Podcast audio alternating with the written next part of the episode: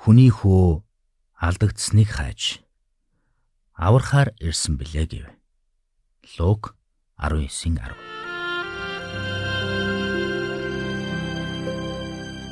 Мэргэний сонсог, мэдлэгийн тэлэг. Ухаалх нь мэрэгэн өдөр төмжийг мөн авах. Доктор Харалт цаалогийн мэрэгэн зөвлөмж нэвтрүүлэг.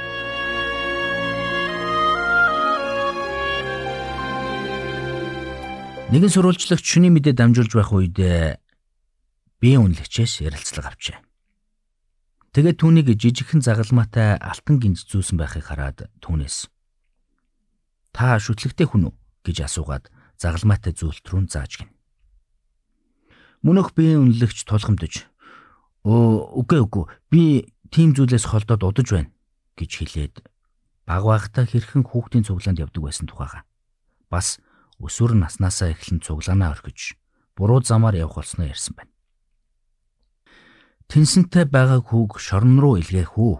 Эсвэл дахиад нэг боломж олгох уу? Яг энэ шийдвэртэй холбоотой Есүсийн ярьж байсан сургаалт зөвлөл бий.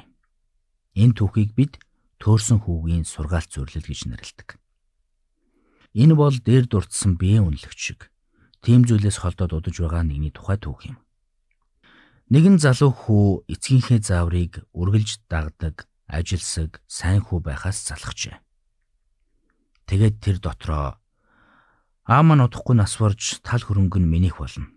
Хизээ нэгэн цагт минийх болох хөрөнгийг яагаад авч болохгүй гэж.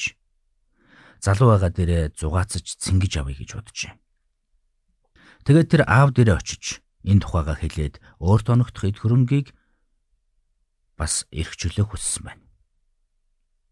Үүний нэгэн адил их хотын химнэл, сэтгэл татам гэрэл чимэглэл зугаад сэнгэлд сэтгэл татагдсан олон залуус. Жижигхэн цүнхэндээ хамаг юмаач ихэд гитараа үрээд гэрээ орхон оцсон байдаг. Гэвч тэдний ихэнх нь төөрсөн хүүгийн сургаалт зөөрлөд гарч байгаа энэ хүүгийн нэгэн адил үгээрэн хоосорч, өлсөж, цангаж, сэтгэлээр унан замаа алдаж тусдаг. Есүсийн амьдарч байсан цаг үед ч тийм байсан одоо ч тийм хിവэрэ байна.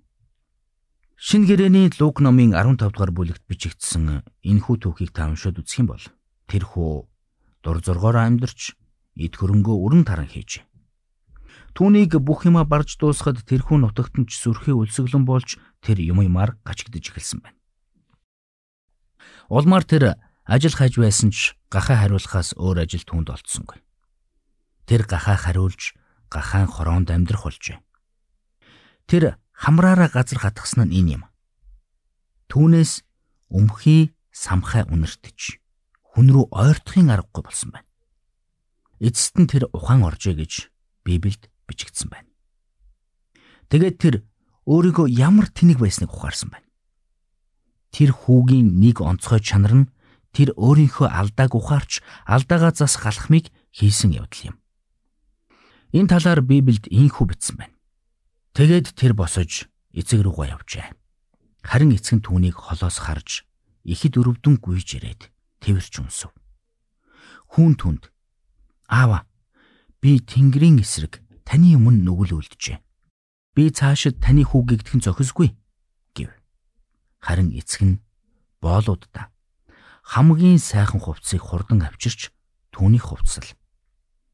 Гарт нь бөгж зүү, хөлд нь гутал өмсөг тарган тугал авчирч нядал.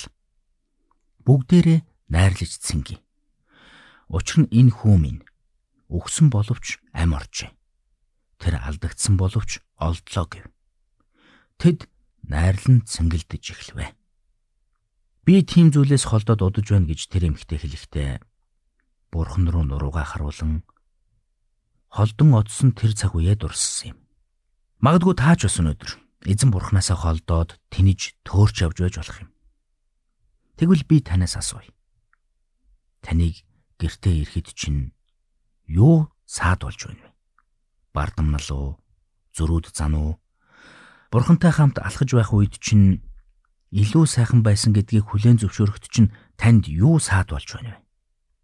Төөрсөн хүү ухаан орсон. Энэ нь түүний амьдралын эргэлтийн цэг байсан юм.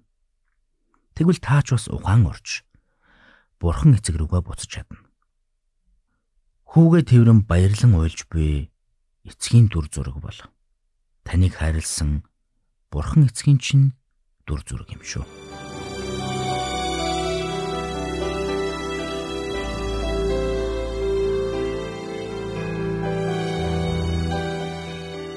Мэргэн нэгнийг дагвал мэргэн, мулгуутай нөхөрлөл хорлол. Доктор Харалт Салигийн мэрэгэн зөвлөмж нэвтрүүлгийг танд хүргэлээ.